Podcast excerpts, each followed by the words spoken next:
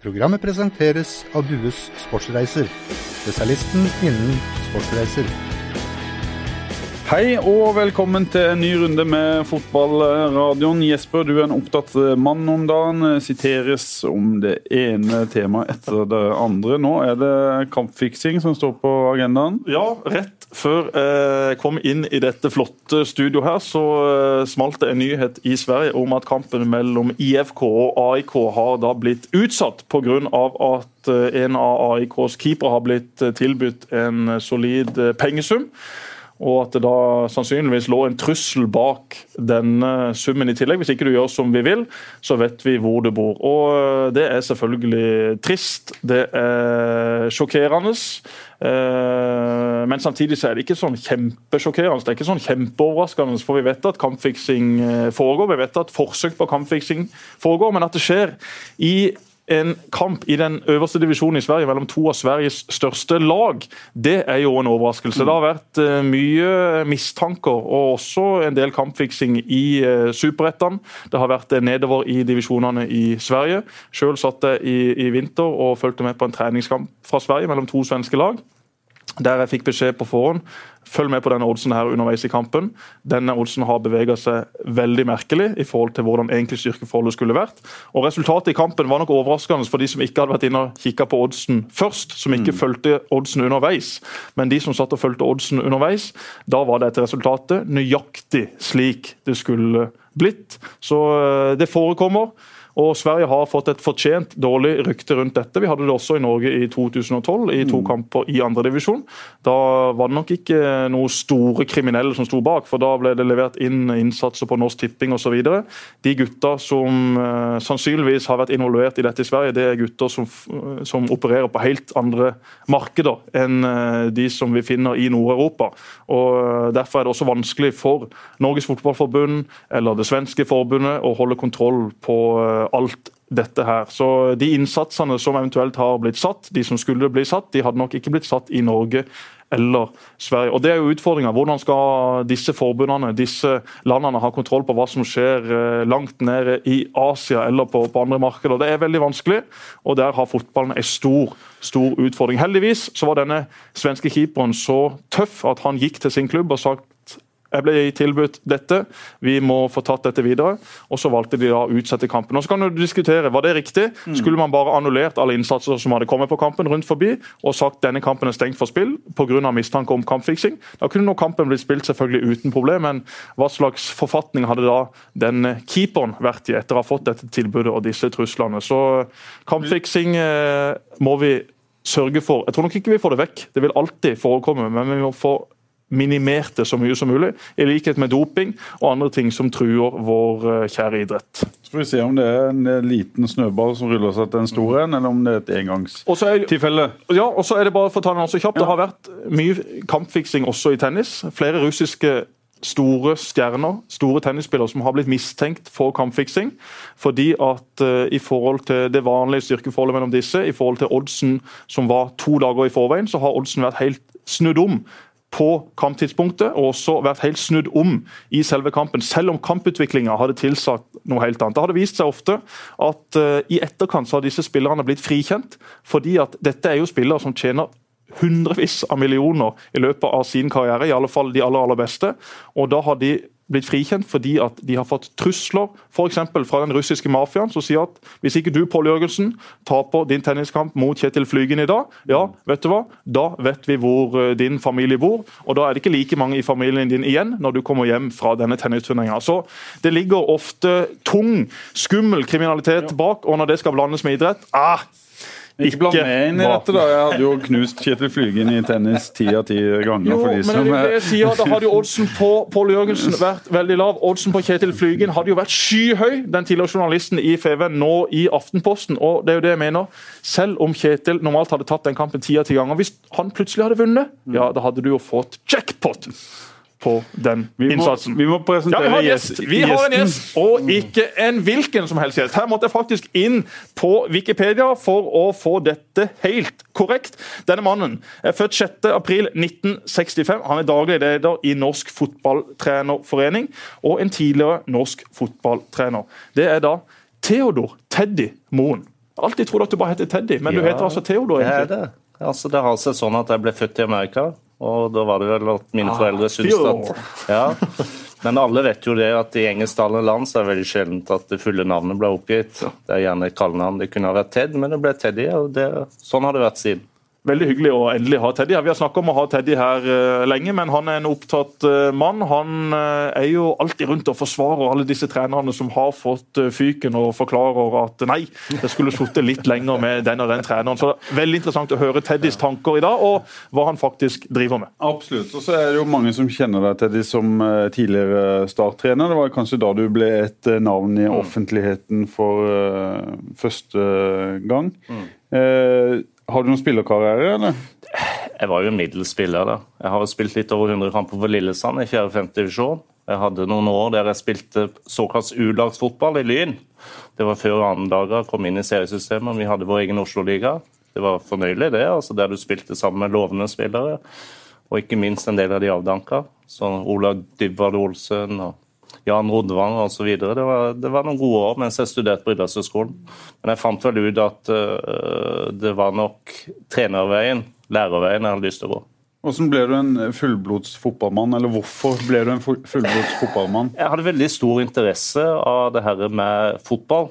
Jeg har alltid hatt en stor lidenskap for fotball helt siden jeg var liten. og det er klart at uh, Drømmen var jo å kunne gjøre noe innenfor fotball. Eh, og Den drømmen har jo på mange måter blitt materialisert og blitt en del av det. Nå har jeg jobba mer eller mindre i bransjen siden jeg var en 25 på heltid, da, i forskjellige roller. Men jeg begynte som trener allerede da jeg var 15, så jeg kan jo skryte på meg nesten 35 år med erfaring som trener på ulikt nivå. Du var ikke gammel da du ble starttrener? Nei, jeg var ganske ung. Jeg var bare 30 år. Og jeg var altfor, for å si det sånn. Du var yngre enn en del av spillerne. Pål Ja, Iversen er vel eksempel Ja, eldre enn deg. Pål, ja, Pål, 1996. ja, 1996. Da hadde jeg riktignok vært i statssystemet siden 1991. Så det var jo sånn som en del av rekrutteringa er til yrket, at det kommer litt innenfra. Det er ikke alltid det kommer eksternt. og, og start på 90, Den delen av 90-tallet hadde vel litt av det samme som, eh, som start, har prega statssiden den gang. Altså at det var ja, turbulent. Trenere kom og gikk, og, og jeg kom og gikk. Men hvordan var det, altså, det, ja, Nå er jeg 30 år sjøl. Ja. Hvordan var det da å gå inn som, som hovedtrener? og Som Pål sier, du hadde eldre spillere. Det var ikke hvem som helst du hadde i denne stallen. Nei, For det første så er det jo klart at jeg kunne jo sagt nei, da. Men det er klart når du er 30 år og får et sånt tilbud, så, så føler du begjæret. Du har lyst til det, og du er ambisiøs. Hva var forhistorien? Ta den først, eh, Teddy. Nei, for- Når, når begynte du i start, når du var 25? Nei, altså det hadde seg sånn at jeg var i Oslo og jobba. Jeg trente juniorlag til Skeid og studerte, eller var lærer da. Eh, Brede Skistad kjente jeg litt, og han eh, spurte meg om jeg kunne være interessert i å komme ned og trene juniorlag til Start, fordi at eh, de var på jakt etter en trener. Det syntes jeg var interessant, og, og, klart, og, fikk den muligheten og kombinerte det med å være lærer. Så 1991, da hadde jo Brede allerede vært der uh, halvannet år. Det var en fantastisk sesong for Ja. Start, som mange husker som kampene, kampene mot eh, Ja. Rosenborg og Viking. Ja, det var det. Det var en fantastisk sesong. Og det var, og det var òg en periode der eh, Start fortsatt hadde en veldig veldig god junioravdeling. Sånn at jeg kom jo inn og hadde, med veldig gode spillere. og gode Hvem var det du hadde? Nei, altså 91, det er klart De to beste juniorspillerne som ikke spilte på juniorlaget, det var Frank Strandli og Tommy Svindal Larsen. Så Det forteller jo en del. Og, Mm. og det er klart at når vi kom til NM-finalen det året, så spilte jo ikke det. De spilte jo på A-laget. Men det var mange andre gode. Odd Arild Skånhoff, Bård Borgersen, Rune Jacobsen. Altså folk som fortsatt har sentrale roller. Eh, Kjetil Rutford Pedersen. Eh, Espen Daland, som kom til, både han og Arild kom- spilte jo på juniorlandslaget. Den gangen var de og spilte VM-sluttspill, bl.a. i 92. Så, så det var veldig mange gode spillere. Ikke alle kom gjennom, men det gjør de aldri, selv om du blir eh, norgesmester. Det vet jo du og Jesper, fra deres lag som ble der, så var det ikke alle som kom gjennom. Sånn det var veldig få. Ja. var veldig få. Men sånn er det. Sånn er det. Uansett så var det viktig for eh, Start den gang å, å, å, å, å drive godt utviklingsarbeid. Og det som var greia, det var jo at mange kom gjennom, faktisk. Start var ganske flinke. Og så eh, var du der i noen år, hadde ansvar for de Ja. største talentene i Start. Og så eh, kom dette tilbudet. Var det Brede Skistad ja, som, det... som sa at eh, her er mannen jeg skal Nei, satse på, eller? men det handla egentlig litt om Brede. For det Brede var I 94 så ble Brede sjuk. Eh, Han fikk konstatert blodkreft. Um, han måtte ta en pause. Han valgte sjøl å ta permisjon. I en overgangsperiode så ble, ble jeg spurt Erik Rutfor Pedersen ble spurt om å overta jobben som A-trener eh, i, i påvente på at Brede skulle komme tilbake igjen. Og meg og Paul Rikardsen ble spurt om vi kunne gå inn og ta Eriks jobb, som var assistenttrener, og dele på det. Sånn at da skulle vi ha, være med på, med A-laget, men samtidig ha ansvar for andredivisjonslaget, som var annetlaget. da. Så det var ikke en full jobb, men eh, det, var, det, begynte å nærme seg en full jobb. For jeg hadde jo ansvar for spillerutviklinga klubben, var en slags spillerutvikler i klubben. Så kom aldri Brede til Brede kom tilbake en kort periode, og så døde Brede. Og så ble det en, en periode med turbulens, men klubben valgte å hente inn en ny trener, Steve Perryman. Alle vet jo hvem Steve er, Tottenham-legenden osv. Det, det klart skapte masse entusiasme det. Hvordan var det å jobbe under han, da? Ja, nei, altså ut sesongen så var jo fortsatt uh, litt perifere. Men sesongen etterpå, når Steve skulle starte sin nye sesong, så ble jeg spurt av Steve om jeg kunne tenkt meg å være hans assistent. Og det var fantastisk. Og jeg hadde en, en utrolig lærerik periode med Steve, og har fortsatt hatt kontakt med Steve. Han er jo director of football i Exeter. Mm og, og, en fantastisk mann. Så det var, det var en fin læringsperiode. Men, men, det er klart at jeg merka på Steve at, Var det en sesong, eller var det ja, bare noen Ja, for det her ble jo på mange måter 95-sesongen. da. Mm. Og så, så merker jeg jeg merker på Steve når det, når det nærmer seg juleferie. Han har vært hjemme i London, så har det skjedd et eller annet. Og det som skjedde, det var jo at Osvaldo Adiez, som var hans kompis, hadde fått tilbud om en trenerjobb i Japan og ville ha med seg Steve. Tottenham og Argentina-legende. Yes, som ikke vet hvem det var det.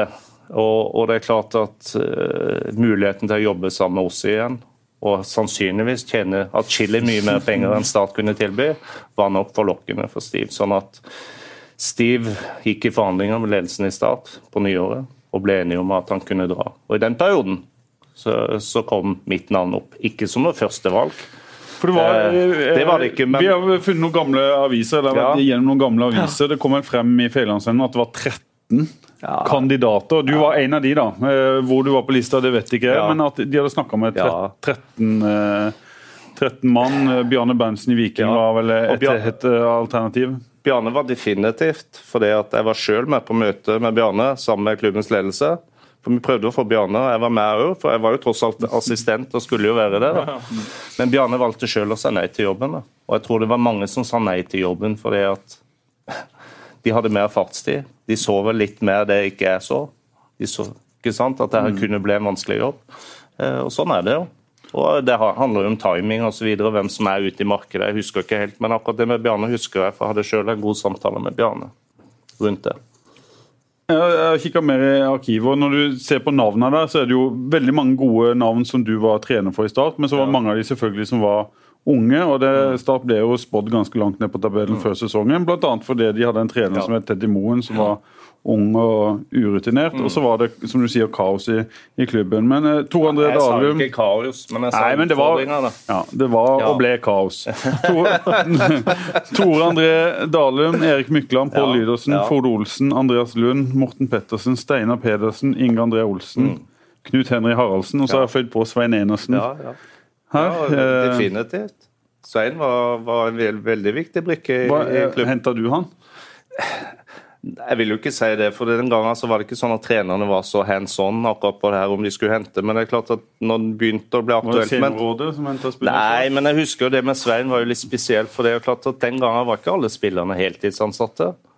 Altså Muligheten for å kunne spille fotball på det nivået handler gjerne om at du kombinerte det med en jobb. Mm. Høres rart ut, Jesper, men eh, sånn var det faktisk. Jeg, har alltid jobba ved siden av å spille fotball. Jeg. Både to og tre jobber, så, så det vet jeg alt ja, om. Og, og Svein var jo en gryende journalist den gangen, og var vel av noen da, lovt en eller annen jobb. Mm. Eh, sannsynligvis i huset her, som kanskje ikke gikk helt gjennom. og Det var nok litt av grunnen til at ting funka ikke helt for Svein. Og kommer jo sterkt igjen i FVN etter hvert, da, men det var en av grunnene til han flytta ned. I tillegg til at han var blitt sammen med ei jente fra Søgne. Mm.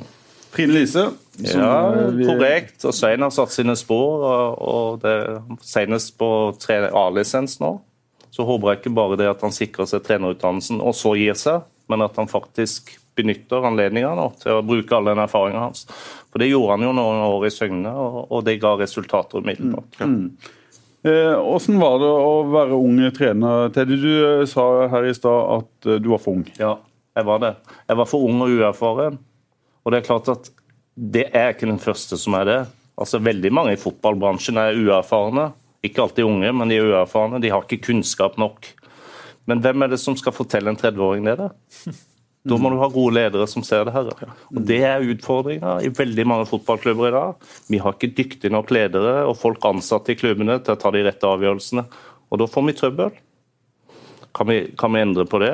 Ja, Det er jo et langt lerret å bleke, men det må kunnskap, kompetanse og erfaring òg i fotballbransjen. Mer der enn mye andre steder. For det er en sånn uforutsigbar bransje der det er veldig mye empati, masse mm. følelser, og det er veldig mye craft knowledge. Det er mye som ligger i fingrene på folk, mm. som ikke du kan lese deg til. Du må erfare det over tid.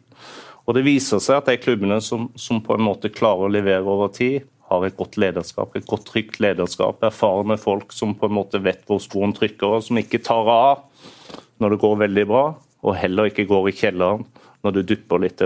Nå er du inne i din, din rolle, ja, ja, ja, Teddy, som uh, jeg har kalt deg trenernes store beskytter, tror jeg, på trykk i Federlandsvenn. Det er ikke så mange andre som bryr seg om trenerne, så for det er jeg fornøyd med. Tidligere. Men uh, fortell litt om, uh, om, rollen din i dag, så skal vi heller gå tilbake litt til starttida ja, etterpå. Altså, Norsk Fotballtrenerforening er jo en interesseorganisasjon for fotballtrenere, ikke bare topptrenerne. Vi er nesten 3000 medlemmer, så det sier seg selv at de fleste jobber i bredden. Men vi har de aller fleste topptrenerne som medlemmer. og det er klart at etter hvert som det er blitt flere og flere som har fått det som jobb, så er det viktigere og viktigere med interesseorganisasjon. For jeg opplever jo at mange av de utfordringene som var der den gangen Nils Arne Eggen, Anders Ferge og Egil Olsen danna foreninga i 1986, de er der fortsatt. De forsvinner ikke. Og de gikk jo på usikkerhet, mangel på trygghet og respekt for treneren. Mm. Det er jo ikke blitt mindre. Så Sånn sett så er vår interesseorganisasjon veldig viktig. Det betyr jo at min jobb er jo ikke bare å komme inn og være en slags sånn brannslokker etterpå, men en prøver å være, drive med forebyggende arbeid. Rett og slett bevisstgjøre. For det er klart at veldig ofte så er det ikke Det er for lett for meg og alle å skylde på klubbledere når trenere må gå. Jeg må jo være inne der og fortelle at du som trener har faktisk et ansvar for om du skal sitte denne jobben. Mm. Er du dyktig nå, rett og slett? Har du gjort de grepene? Er du godt forberedt? Den jobben begynner den dagen du forhandler med klubben. Skaffer du handlingsrom her? Hvor skal du sitte i organisasjonen? Hvem skal du rapportere til? Hvem er det som uttaler seg til media? Alle de her tingene her. De erfarne trenerne kan det her, for de har brent seg på fingrene. De har brent seg så mange ganger, men mange av de unge trenerne som kommer inn, som de, eh, på godt og vondt, da, de får en veldig de får en veldig god læringskurve veldig tidlig. Men de brenner seg ofte. og Det som er synd, det er jo mange av de ikke kommer inn igjen. Du, er du et eksempel på det sjøl, at du brant deg så mye at du eh, at Hva skal jeg si for noe? Det, det, er jo ikke sikkert at jeg hadde forutsetningene for å bli en veldig god topptrener. Jeg, jeg mener jo fortsatt at jeg er en dyktig utviklingstrener, for det er egentlig der personen og interessen har lagt. Mm. Og det er der jeg har jobba. Det med trenerutvikling osv. Men er du litt bitter, eller nei. kanskje det er feil ord å bruke, men at du aldri fikk nei. en ny mulighet til nei. å prøve deg på toppnivå? Kunne du ønske at du fikk det? Nei, ja, nei, altså for å si det sånn. Jeg tror det vel det er både som å spille og trene, at du selvfølgelig skulle gjerne ønske å være der, og du blir litt misunnelig av og til. Mm. Men så tenker jeg tilbake, liksom, hva, hva er det egentlig å trakte etter, da? Det jeg kunne tenkt meg heller mye mer, det var å være med og på en måte prøve å påvirke organisasjoner og klubber i forhold til å gå i riktig retning. det har du jo prøvd på i mange år, ja, har du ikke det? Og jo, gjennomført jo, viss grad? men det er vanskelig. For det er klart at sånn som samfunnet vårt er i dag, så er det ingen som har tålmodighet. Det er ingen som har langsiktighet. Det er ingen som egentlig bryr seg. Vi er verdensmestere i Norge til å lage handlingsplaner og aktive planer og fortelle hva vi skal gjøre. Men vi er livredde for å ta et oppgjør når vi skal evaluere hva har vi levert. Da skal vi helst være veldig forsiktige. Så jeg pleier å si at i Norge så erstatter vi en plan med en ny plan istedenfor å evaluere. Uh, og, Da kommer vi ikke noe videre, for det tar tid å gjøre ting bra. det er klart sånn som Spillerutvikling er jo et veldig langt og vanskelig løp. Det er det. Men det er veldig vanskelig å måle. Hvem som skal måle det her? Hvorvidt du lykkes eller ikke ut fra forutsetninger, ressurser, kultur osv. Kun erfarne fotballfolk kan gjøre den jobben. Kun erfarne fotballfolk kan gjøre denne Du jobben. har prøvd i Kristiansand både med, et, eh, med fotballakademi i Vågsbygden og litt forskjellige navn. Hvordan Hvordan føler du sjøl du har lykkes med de tinga du har starta? Jeg ser ikke at alt jeg har gjort har vært veldig bra, for jeg har gjort veldig mye feil. Men jeg har gjort det. Jeg tør- jeg har turt å gjort det. Jeg har fått utrolig mye kritikk. Jeg har fått så mye kritikk at jeg fikk beskjed av kona mi en stund at nå må ikke finne på så mye, fordi at hun merka det. Og det er klart det er litt uheldig, men sånn er det. Og jeg merker med en gang jeg mener noe, og det er ikke så ofte jeg mener noe. Men Har du forandra mye mening underveis her på den, den veien du har gått? Nei, definitivt ikke. Altså, Mye av fotballen er i helt feil retning. Ja. Det kan jeg si. For du mener at uh, hele løpet kanskje bør profesjonaliseres Nei. eh, bedre, eller? Med, med mer utdanna trenere og Nei. mer eh, eh, profesjonalisering i, i tidligere alder?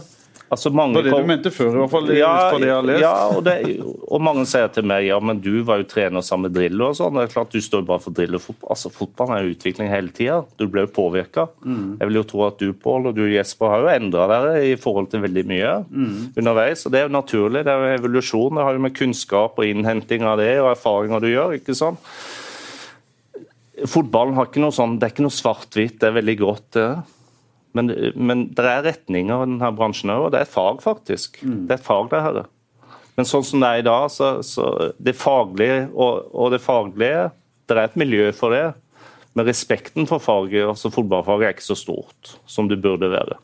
Altså Hvem som helst kan jo kalle seg fotballtrener, det er greit nok. Hvem som helst kan kalle seg fotballekspert. Hvem som helst kan være fotballtrener. Ja, og det syns jeg er eh, greit. Jeg har ikke noe problem med det.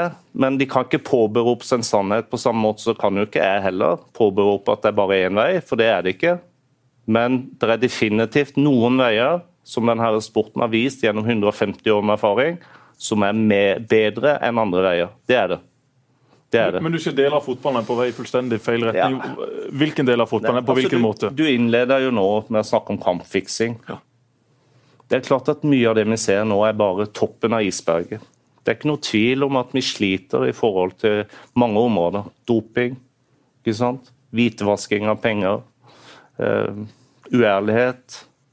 Altså, det, det, er så, det er rimelig korrupt, denne bransjen vår. Jeg tror de fleste skjønner det når det gjelder toppfotball den den profesjonelle Det vil vel være umulig å få bort med tanke på at det kommer så mye penger inn i fotballen. Ja. Det er vel bare sånn fotballen og samfunnet har utvikla seg. Så lenge det er store penger på spill, så vil det være Ja. doping, så vil det være kampfiksing, så vil det være spillere som filmer, så vil det være spillere som gir blaffen i å være Ja. forbilder, så lenge de vinner den kampen eller den turneringa. Og derfor har vi et enormt stort ansvar. Jeg kan jo selvfølgelig bare si at det er umulig å stoppe det her. Så derfor gir vi opp, og vi bare følger med. Men jeg er faktisk der at jeg sier at det her må vi alle gjøre en jobb. Jeg må gjøre en jobb sammen med trenere i forhold til å holde standarden på trenerne høyt. Vi valgte på årsmøtet vårt nå å innføre noe vi kaller etiske retningslinjer for fotballtrenere. Som på en måte i enda større grad skal styre vår måte og påvirkning av norske trenere. For er, Trenerne har et utrolig ansvar og utrolig makt og innflytelse. Det er klart at Vi må jo ikke være så naive at ikke vi tror at mange trenere faller for fristelser på alle de her områdene, og det har vi sett. Vi har jo sett manager i England som på en måte i veldig stor grad har vært del av overgangen av mulighetene for å hente penger. Og det er klart at Hvis vi kan sette en standard for trenerne her, så er vi god gang. For det er klart at all Se på spillerutviklingen. Det kom en bok fra England nå. No Hunger in Paradise. Jeg hadde bokanmeldelse på den forrige uke, som på en måte gir en beskrivelse av hverdagen i akademiene, spillerutviklingen. Det handler om unge spillere og hvordan klubbene betaler unge spillere osv. Ja, ikke bare betaler, men måten de behandler dem på. Altså, Som de sier, de er jo små varer. Ja, de er små biter i industrien, og de blir behandla deretter. Det er derfor England ikke får til spillerutvikling, Nei, kanskje? for det her, er det er en utfordring overalt. for det at Talent er olja i industrien vår. Hvis du ser på fotballen som en industri, så er talent olja som smører det her. Interessen for talent blir bare større og større. Når jeg var ung, var ingen som skrev noe spesielt om talentutvikling, eller hvem som var talenter. Avisene, det var liksom ikke noe. I dag så er det jo big business. Avisene skriver sider opp ned. Og dessverre så er jo det her noe som er ofte mer skader de såkalte lovende spillerne. For det legger På et voldsomt press. Nei, F.eks. det at du får Altså Det er jo veldig fort for en trener eller en klubbleder å på en måte sørge for et godt oppslag i et avis. Jeg har jo sagt før at jeg, jeg syns ikke så veldig mye om at når det har vært en sørlandsspiller som har vært på et akademi i England, så skal det slås opp i Feven. Ja, Feven må gjerne gjøre jobben og si at det er en god jobb, men jeg syns ikke at en trener eller en leder i en klubb eller en foreldre skal slå opp det. La nå gutten få den erfaringa. Det er jo ikke noe mer enn det. Fordi du har vært ei uke på et akademi, ikke sant? så er det ikke dermed sagt at klubben skal give en million etter det. Det er ikke det verden er. Og sånne ting som det. Og det at du blir, blir haussa opp for det at det er et langt løp, og det viser seg veldig ofte at mange av de som fikk merkelappen veldig tidlig som veldig talentfulle, og i dag er det ikke bare talent, det er supertalent, enormt talent. Altså, Hvor er superlativene her? Mm. Altså, Vi snakker om ordinære guttespillere som supertalenter. Det er jo helt hinsides. Og hvis trenere og ledere hiver seg på det her, så er vi ute og kjører. altså. De gjør ikke de her spillerne noe godt. Skal vi må få det her med, til de, at, ja. det, at det har skjedd noe der de siste årene etter at du fikk eh, Martin Ødegaard. Etter, jeg syns det er blitt færre av de sakene i, i pressen. Og jeg syns at superlativene og måten å hausse opp talenter har faktisk endra seg litt ja. eh, underveis. Det kan godt hende jeg tar feil, at det bare er en følelse jeg har, men jeg tror det skjedde noe der med Martin Ødegaard. Jeg tror også eh, pressen skjønner at, eh, at det skal noe til å kalle noen et eh, supertalent. Ja, en, en, liten digresjon selvfølgelig til pressen i forhold til bruk av superlativer språket sitt. Det, det, kan sikkert være på sin plass, men først og fremst så er det et ansvar som, som foreldre, mm. som trenere og ledere i klubbene må ta. De må ta vare på de her små. Det er den viktigste jobben. Og Som trener så har du ansvar for de her, ikke nødvendigvis til å gjøre de til verdens beste fotballspillere. Det er hyggelig, det. Men hvis du er trener for unge spillere, så skal du sørge for at du tar de vare på dem. som en, et holistisk perspektiv både sørge for at de fysisk får en fin utvikling, fotballmessig får den påvirkninga de skal, men først og fremst at du tar vare på kameratskapet, miljøet, og sørger for at de har gode opplevelser med fotball. Det syns jeg norsk fotball har vært fantastisk. Mm. Derfor har vi en interesse for norsk fotball som veldig få andre land har. Norge skårer kanskje ikke best på Fifa-rankingen, men vi skårer definitivt veldig høyt på interesse. Mm. Undersøkelser viser at vi er det mest fotballinteresserte landet i verden. I forhold til innbyggertall? Ja, vi er det. Mm. Så det er mulig at det endrer seg litt nå, ifølge målingene. Men, men, det er klart at vi har hatt eksepsjonelt mye folk på kampene i mm. Norge. Så det er klart at når det faller litt nå, så, så ble det jo krisetall. da. Bygge små ministadioner da, Jesper? Ja. Men det er ikke sikkert at det blir sånn i framtida, hvis, hvis, ikke vi sørger for at barn og unge, jenter og gutter, får lov til å spille fotball, ha det gøy, trives syns er greit. Uten det her voldsomme presset, så tror jeg vi i framtida vil oppleve at veldig mange tar avstand. Det er vel de som klarer å finne kombinasjonen da, mellom trivsel og ja. pengemakta, som kommer til å utvikle spillere. Hvis du gir masse penger, så, så slukner jo den sulten som en kanskje må ha. Men du, du var også inne på dette med, ja. med talentutvikling. altså ja som du sier, Vi har masse folk som er interesserte i Norge. Vi har masse folk som spiller fotball. Mm. Men vi ligger snart uh, bak ja, de 100 beste nasjonene i verden. Hva, I dine øyne, mm. hva gjøres og, om ikke feil, eller hva må vi gjøre annerledes da for å få fram flere gode fotballspillere? For å få fram et bedre produkt både i, i klubbhverdagen og ikke minst mm. på et A-landslag? Det, det er et stort spørsmål, ja, vi har, men vi har god tid i fotball. Ja, ja, ja, vi har det. Og noe, noe, den viktigste altså på Spillerne jo, må jo være i sentrum. Det er spillere og spillerutvikling vi på en måte jobber med. Den som står nærmest det her, er faktisk treneren. Og I dag er treneren kanskje mer viktig enn noen gang. For før i tida Altså Nå er vi langt tilbake, men altså den såkalte løkkefotballen og spill på løkka sånn, den forsvant jo sånn gradvis på 70-80-tallet. Vi må jo innrømme det. I dag har vi jo fantastiske anlegg overalt. Vi har binger overalt. men vi har ikke mye. få. Vi har, vi har, veldig lite uorganisert aktivitet. og så kan Du si det, du kan ønske deg tilbake til den tida når det var uorganisert, men så enkelt er det ikke. I dag trenger du å gjøre den organiserte treninga mer uorganisert. Skjønner du hva jeg mener. Vi må tilbake og finne tilbake de elementene som gjorde at folk virkelig sto på og spilte mye. For det, Du kommer ikke utenom det at du blir ikke en god fotballspiller hvis ikke du tilbringer mange mange timer med å spille fotball. Og tre-fire organiserte treninger i uka. Det kan jo ikke erstatte fire til seks timer som kanskje noen spilte før på fritida. Mm. Kan jo ikke det. Noen er der ennå. Det, det vet jeg, ja, noen, men ikke mange, ja, men kanskje ikke mange nå. Så jeg Nei. tror nok at utvikling av trenere er veldig veldig sentralt. Og som jeg sier, utvikling av trenere og utvikling av trenere er veldig sammensatt. og det er klart De beste trenerne vil jo ofte være de som har holdt på lengst òg, altså. Det er jo alltid en fare hvis du holder på langt, eh, lenge nok og ikke endrer måten din å se på, så kan du på en måte bli passert der òg. Og du kan bli litt sånn at alt var mye bedre før. Men jeg håper dere skjønner poenget. At i denne bransjen er det som alle som driver med pedagogisk arbeid, for det er jo det her. Jeg er helt enig, altså, Vi Ja. må ha foreldretrenere. Uten det så, så, så Ja. dør fotballen bort. Det er ikke det det går på. Men Nei.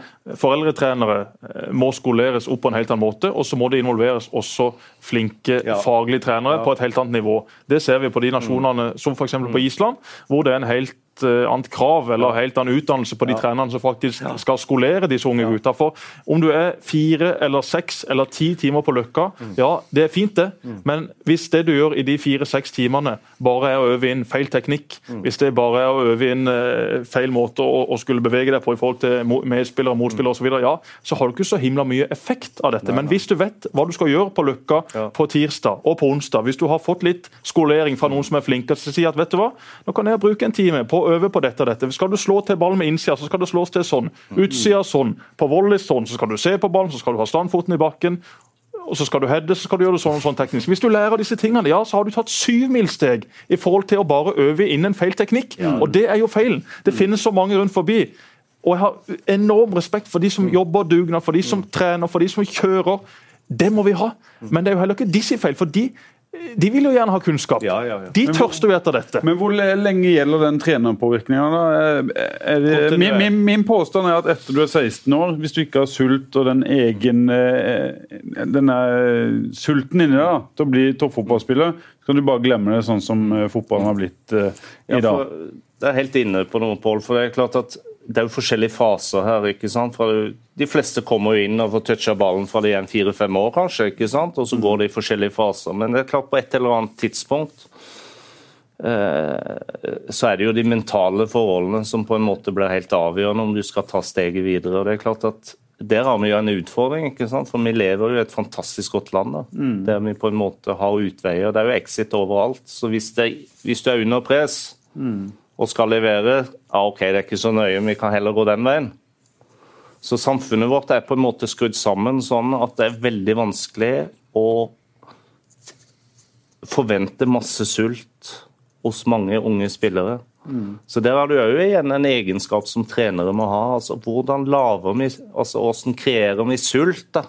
Hvordan skaper vi sult? Altså Sult i anførselstegn. Jeg tenker jo ikke på, på mat og drikke her. Men det er det med, med penger og ikke gi for mye gode tidlig, er vel et uh, aspekt der? Ja, altså I forhold til sult er det veldig mye ting, men det er jo klart at det at du har foreldre, trenere som klarer å inspirere deg, som gjør at du er så inspirert at det her har lyst til å drive mye med.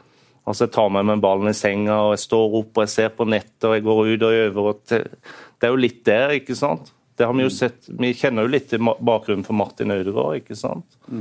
Veldig har vært inspirert, Hvor inspirasjonen kommer fra. Jeg tror nok han har hatt en far som har inspirert ham veldig. Han har jo en onkel som er fysioterapeut på landslaget.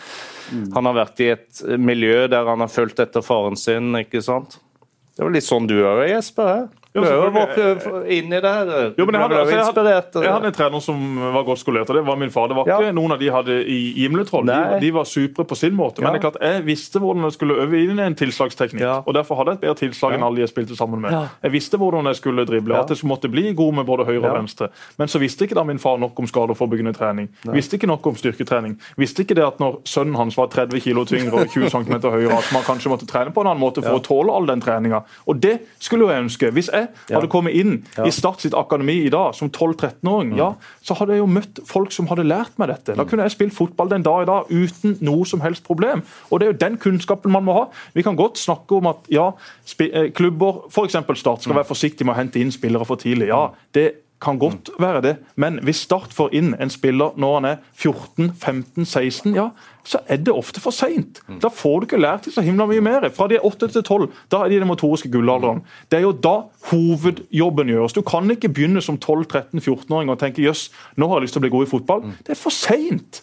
Det er for seint. Du må Og du begynne mye, spilte mye før. sikkert fire-fem kamper i uka. Ikke?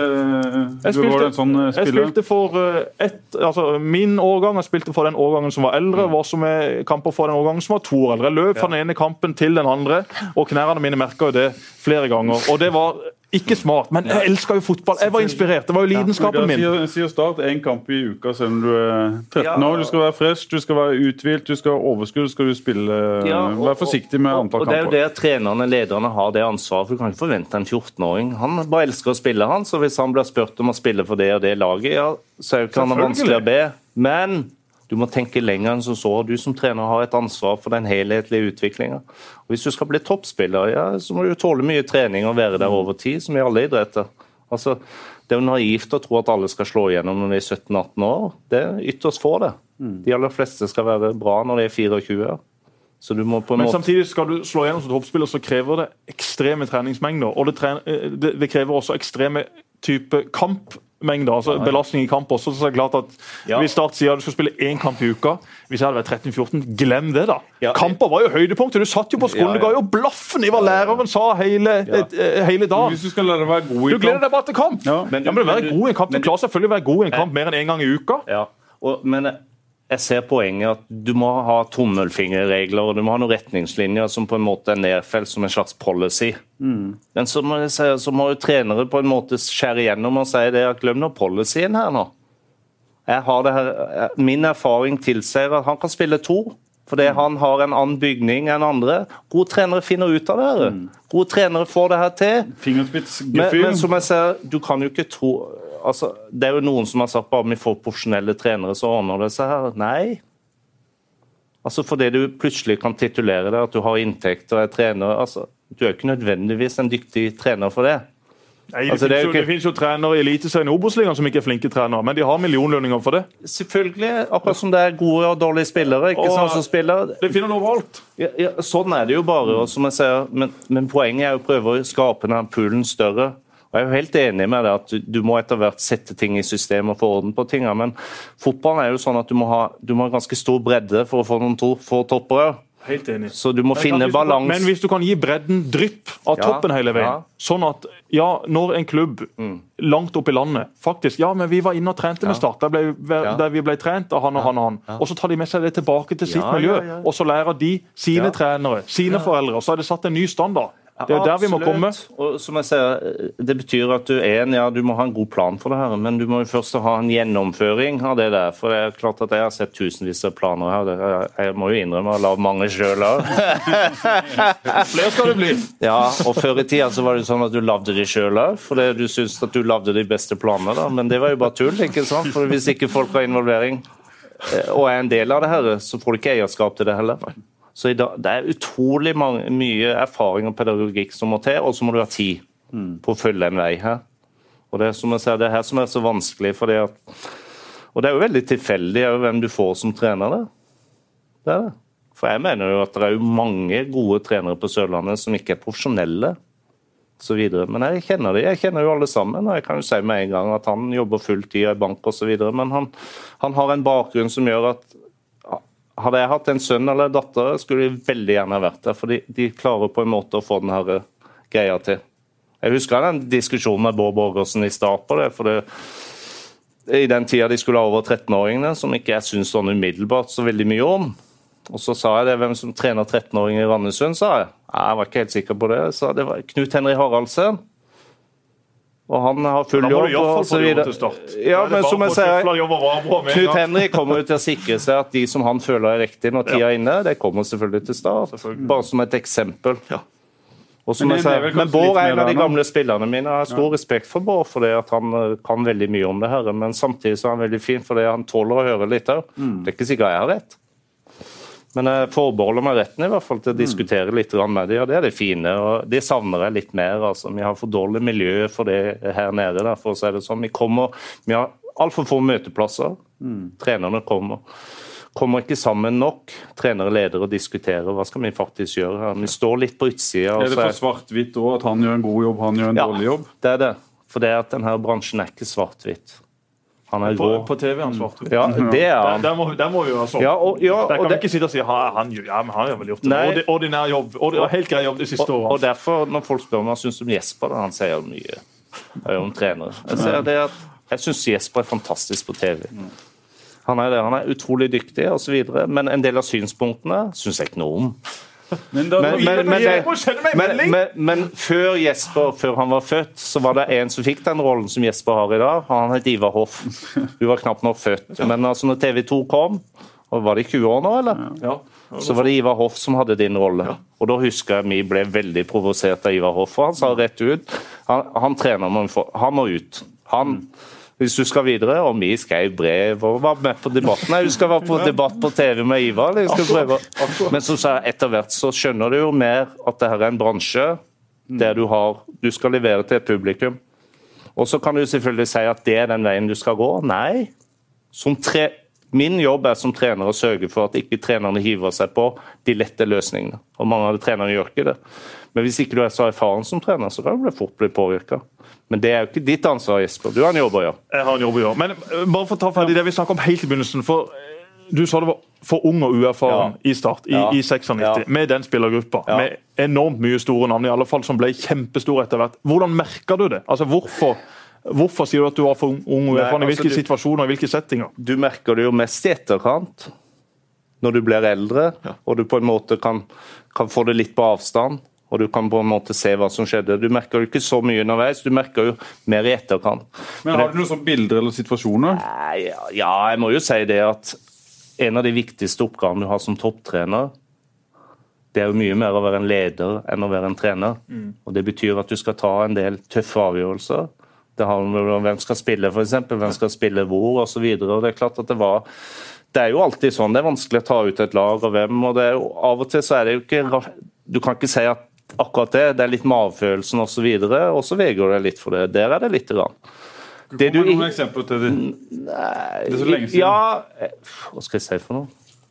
Det var jo aldri tvil om at Erik Mykland skulle spille uansett. Selv om han hadde sikkert vært ute hele natta. Men han leverte vel Ja, ja, ja. greit uansett. Men, men det er klart at på et tidspunkt når han var yngre, så så du jo det sånn svart-hvitt. at Hvordan kan du spille med Erik, liksom? Som, som hadde en livsførsel og en måte som ikke var For den gangen Og det dette var visste du som trener? Ja, du visste jo det. Jeg husker Vi var jo på treningsleir. Det var jo året før, husker jeg, når vi hadde Erik. da. Jeg husker, og det er jo og det, det ble jo lagd en film i sin tid om Ja, Erik. Mykland. Ja, ja. Det var vel det året du var Nei, det var året før, for da. Erik var trener. da. Ja. Det var det, og jeg husker jo, Vi var på treningsleir i Danmark den gangen, så var det Danmark det lengste vi kunne reise. da. Og, og, og det var jo en gjeng som var på kasino da. I Aalborg eller Århus. Det er mulig jeg hadde kjørt helt til Århus, jeg vet ikke. men i hvert fall så var filmcrewet med, da.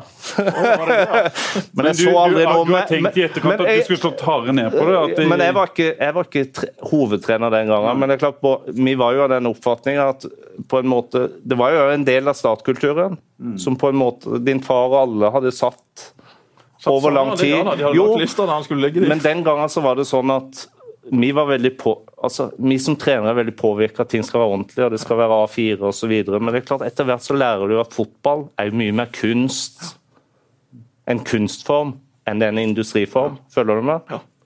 Og Det betyr at de enkeltes individ, mentalitet, livsstil osv. henger sammen med trivsel, hvordan du lever osv. for at du skal prestere. Og Relasjonen mellom spillere og trenere er ofte preget av en gjensidig tillit. og Den tilliten bygges over tid, og den bygges i forhold til respekt her. Og Det betyr at spillere jo, ikke sant, forventer at de kanskje respekteres litt, for at de ikke er alltid som alle andre. Og det der, der De eldre trenerne skjønner det. En av våre beste trenere, det må jeg ha lov til å si, det er Åge Hareide. Hvorfor er Åge en av de beste? For det første har han bakgrunn fra bransjen. Han har sannsynligvis vært med på det aller meste. Men han har jo tatt masse på trynet underveis ikke sant? og kommet igjen gang etter gang. Derfor er han en av de beste nå. Hvem hadde trodd at Men- Åge Hareide skulle trene det, norske, det Men nå tenker du litt på hans sosiale egenskaper, kanskje, som er at han har noen følehorn Ja, som er litt eh, lenger utvikla Ja, enn jo- noen andre. Og jeg har jo skrevet flere saker om Åge, for Åge er en god venn av meg, men han er, en veldig, han er utrolig flink til å stille opp for trenerforeninga. Han satt til og med i styret. jeg kan si at når han og Nils Arne satt i styret vårt samtidig, så var det fantastiske styremøter. Fordi de på en måte, de har, de har den auraen og erfaringa som gjør det i stand til å på en måte ta de rette avgjørelsene og kunne behandle enkeltspillere på en veldig god måte. Og det er klart at det, Jeg har jo skrevet det, at jeg mener kanskje det er noe av det som ble brukt litt mot Åge. At folk ikke fullt ut i miljøet syns at kanskje han er en like god trener som mange andre. og Det er jo alltid vanskelig. For det at han på en måte, han er kanskje ikke best på alt det som vi i Norge tror vi skal være best på. Altså kunne alt om språket vårt og formidle osv. Altså, det er jo trenere i Norge som, som, sikkert mener det at hvis vi bare hadde gjort det som i Norge, så hadde både Brasil og Barcelona vært mye bedre. Jeg syns det er helt absurd å hevde det. Vi er en bitte liten fotballnasjon på et relativt middels nivå på veldig mange områder, og så er vi verdens beste på noen områder. Stadionbygging, breddefotball. Der er vi utrolig. Men i forhold til prestasjonsfotball og toppfotball, så er vi ikke på et veldig høyt nivå. Det er klart at Da skal du ha såpass respekt for de miljøene som tross alt er på det høyeste nivået, at du i hvert fall ikke skal antyde at de har så mye å lære oss. Teddy, jeg må spørre deg om noe eh, som handler om eh, din eh, rolle nå. Hvor ofte er du involvert når, i løpet av et år? Har du noen statistikk på det? når Ja. Trenere går? Går, eller nesten må gå, av og til blir det. Så er det en 30-40 saker da, på ulikt nivå. I fjor var det òg det.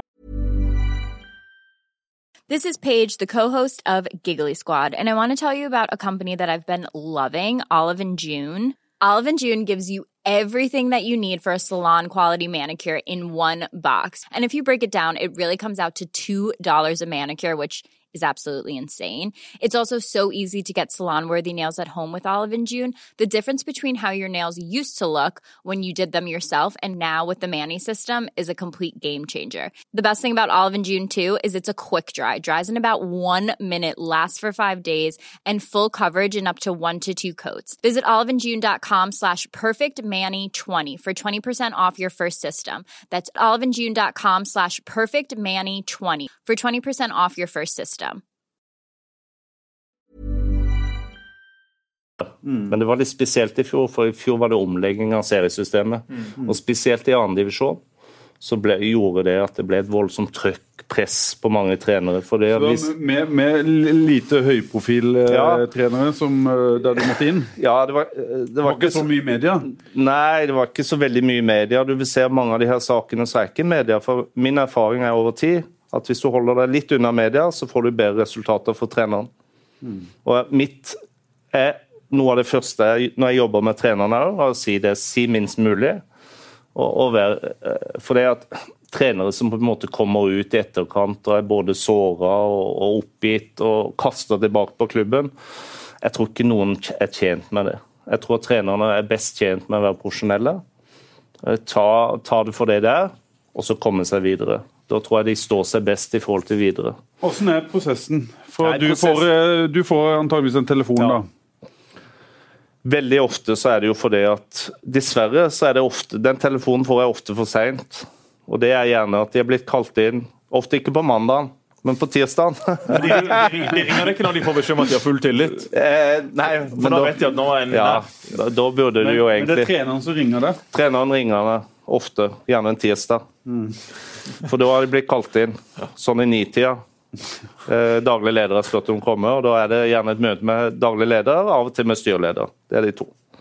Og så er det litt tidligere på tirsdag, og i mellomtiden, for da har de nemlig brukt mandagen på å begynne å rigge litt. Mm. Fordi de regner med at de skal bli kvitt treneren innen tirsdag. Men er det sånn da at da, gjennom å være, være medlem i trenerforeninga, så, så kan du eh, bistå? Ja, Altså, Hvis du er medlem i trenerforeninga, så kan du ringe med egentlig når som helst. da. Mm. Og, så, og så, så, får du gode råd av meg. Og Av og til setter du deg i bilen, av og til setter ja. du deg på flyet, av og til så tar du bare på telefonen? Mest, mest på telefonen, for det er klart ja. at uh, det er det. Og Noen ganger så er telefonen bare videre til vår advokat. For det er klart at når folk har det her som jobb, uh, og de har en kontrakt som går ett til to år til, mm. så er det jo mye bedre at en skikkelig advokat gjør den jobben. For, for, for, veldig ofte så er det jo ikke noen vei tilbake. for det, Prosessen har gått for langt. Så det å på en måte prøve å reversere prosessen og si det at kan vi gjenskape tillit her? Så selv om de i utgangspunktet vil ha treneren ut, kan vi klare å snu det her og få treneren inn igjen? Det er ditt fokus? Nei, for det, det, er veldig vanskelig å ha det fokuset hvis det kommer for sent inn. Mm. For da er tilliten så brutt at det er umulig å gjennombrøte den. For det er klart at Min rolle det er ikke igjen, den er litt grå, den. Mm. Jeg er litt Kofi Annan òg, skjønner. Jeg prøver å finne litt gode løsninger både for trener og klubb. Det høres rart ut, da. Men, men jeg, gjør, jeg, gjør, faktisk det. Men det betyr at du av og til også ser at det kan være fornuftig å, å skilles? Ja, jeg gjør det.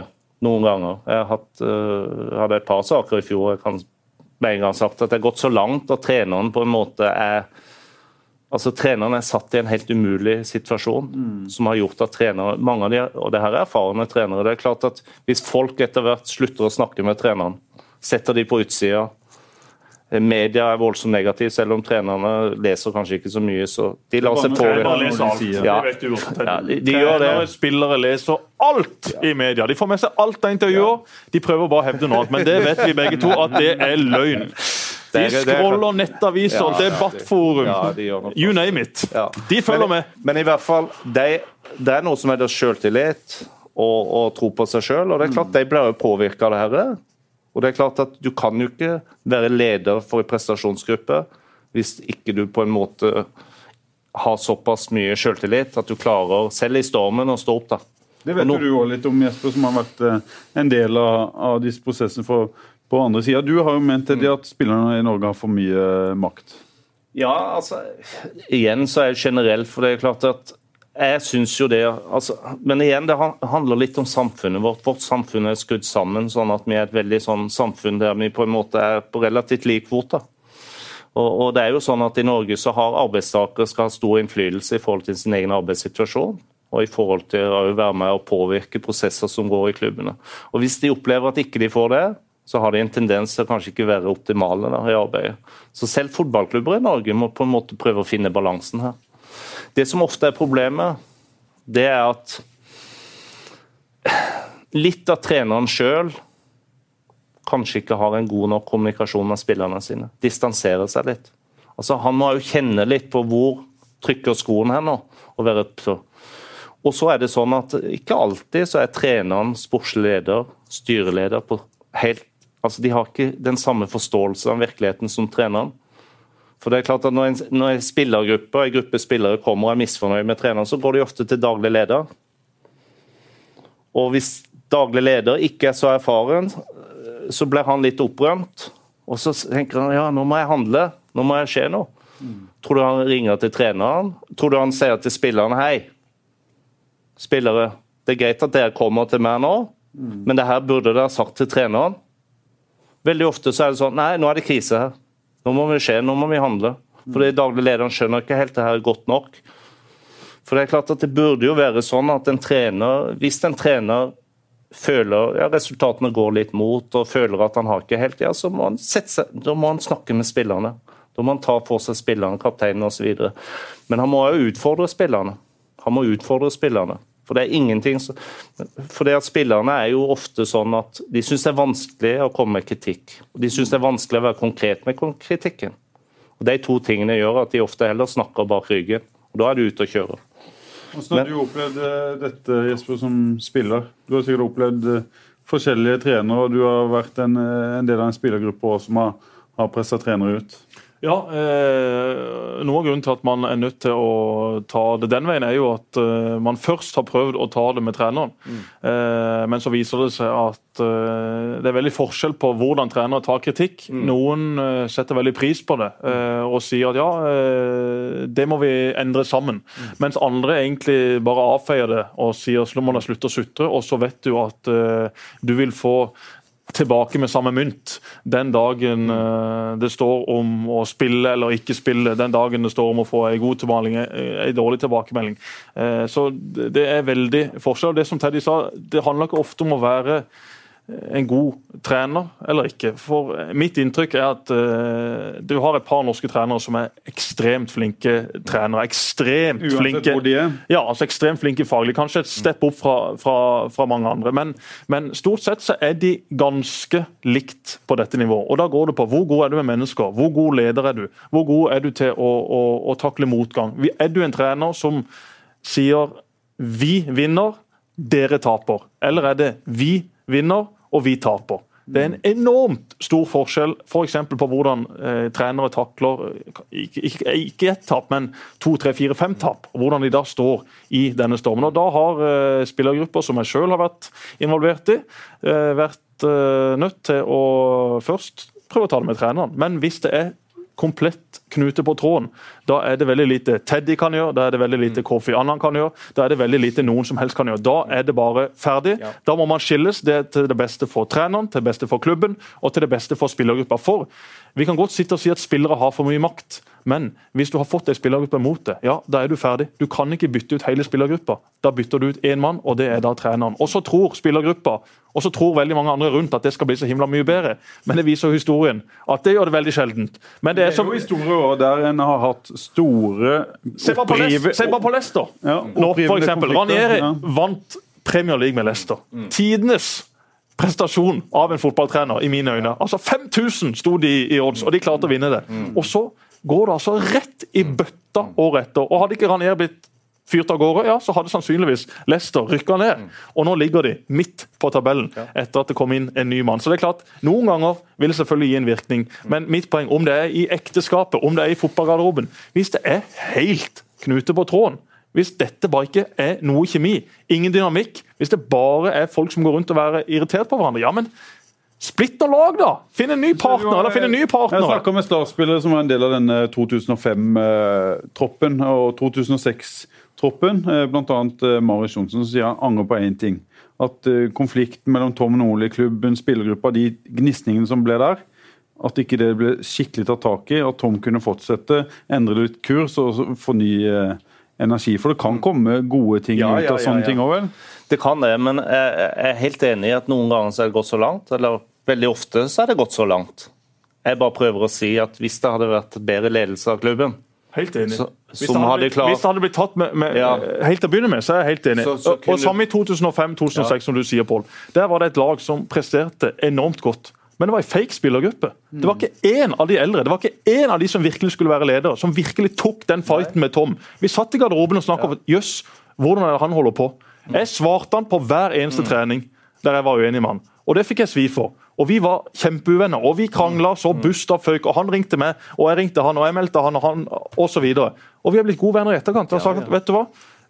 Jeg hadde enormt mye lærdom av det jeg lærte av deg. Du var helt enestående på feltet. Men jeg var 17-18-19 år. Det var ikke min oppgave å irettesette Tom og finne ut av hvilken vei vi nå skulle gå. Det var de eldre som skulle gjort det. Ja, de presterte fantastisk på banen, men i garderoben Jo, ledelsen, men ledelsen i en garderobe er til syvende og sist sterkere enn ledelsen som sitter på kontorene. Og det er mye fordi at ikke det er flinke nok folk rundt forbi i disse stillingene. Men makta hos en spillergarderobe, makta hos de største personlighetene, de største profilene i garderobe, Ingen kommer i nærheten av den. Hvis de bestemmer seg for at nok er nok, nå gidder vi ikke å ha han treneren med, da er du dessverre ferdig. Og Derfor er det så viktig som trener å være flink med mennesker. Å ha fingerspitzgefühl, kjenne litt på ok, hvor trykker skoen nå, hvem skal jeg snakke med for å få dette på rett kjøl igjen. For jeg skulle jo gjerne jobba med samme treneren i 10-15-20 år, men fotballhistorien har vist seg at det skjer nesten aldri. Det skjer nesten aldri nå lenger, det gjør ikke det. Selv om jeg tror jo at fotballen har vist at er en utvikling kan jo ofte reverseres med at du kommer tilbake. Altså, Evolusjon er jo ofte at ting endrer seg i en motsatt retning. så Mye tyder jo f.eks. England på at nå er det mer langsiktighet med noen av toppmanagerne, mens andre under må gå fortere osv.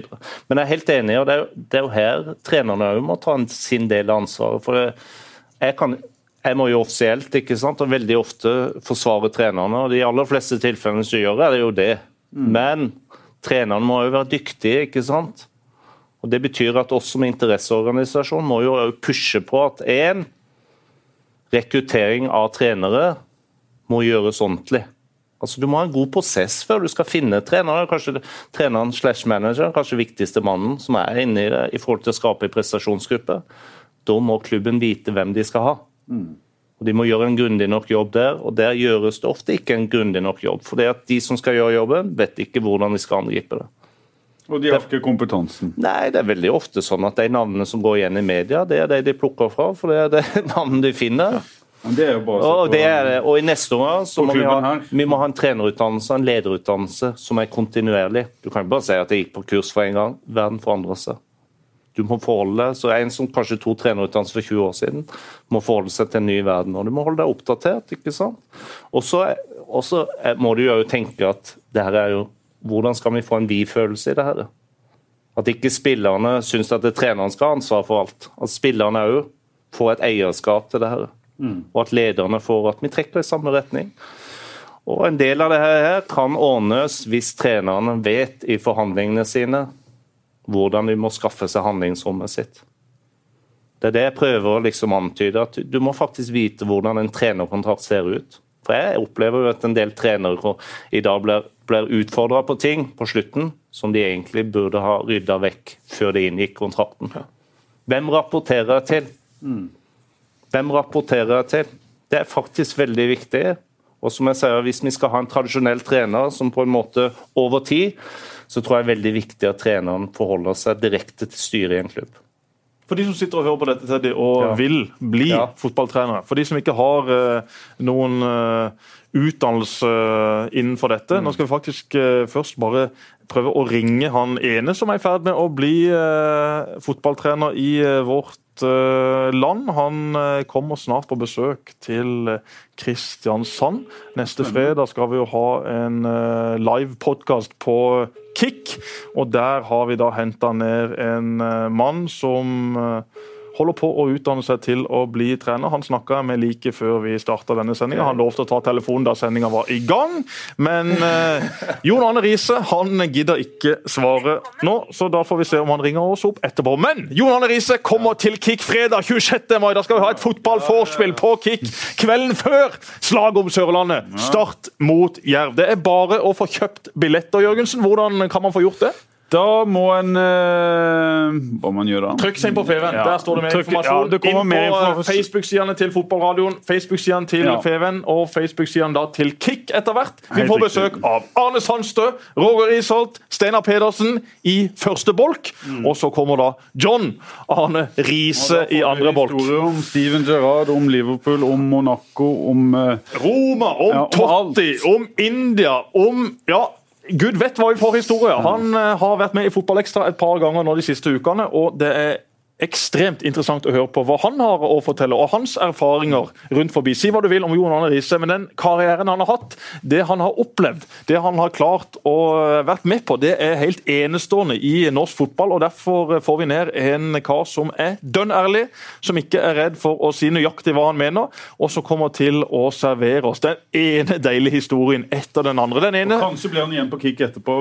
sannsynligvis så er nok ikke han den som går hjem først. Såpass kan jeg si si etter å ha tilbringt noen kvelder med han i Bergen. Det er vel ganske lav odds på at jeg stikker hjem før han. Han er en gladgutt som eh, tar seg tid til å prate med folk. Nå har jeg reist rundt med ganske mange ja, jeg må vel få lov å si kjente personer de siste årene, men ingen kommer i nærheten av den oppmerksomheten Jon Arne Riise får. Vi satt på Flesland, jeg tror det var 100 stykk borte der på én time. Det var helt vilt! Til slutt så var jeg så lei, så sa jeg vet du hva, alle dere som står her nå, stiller opp der.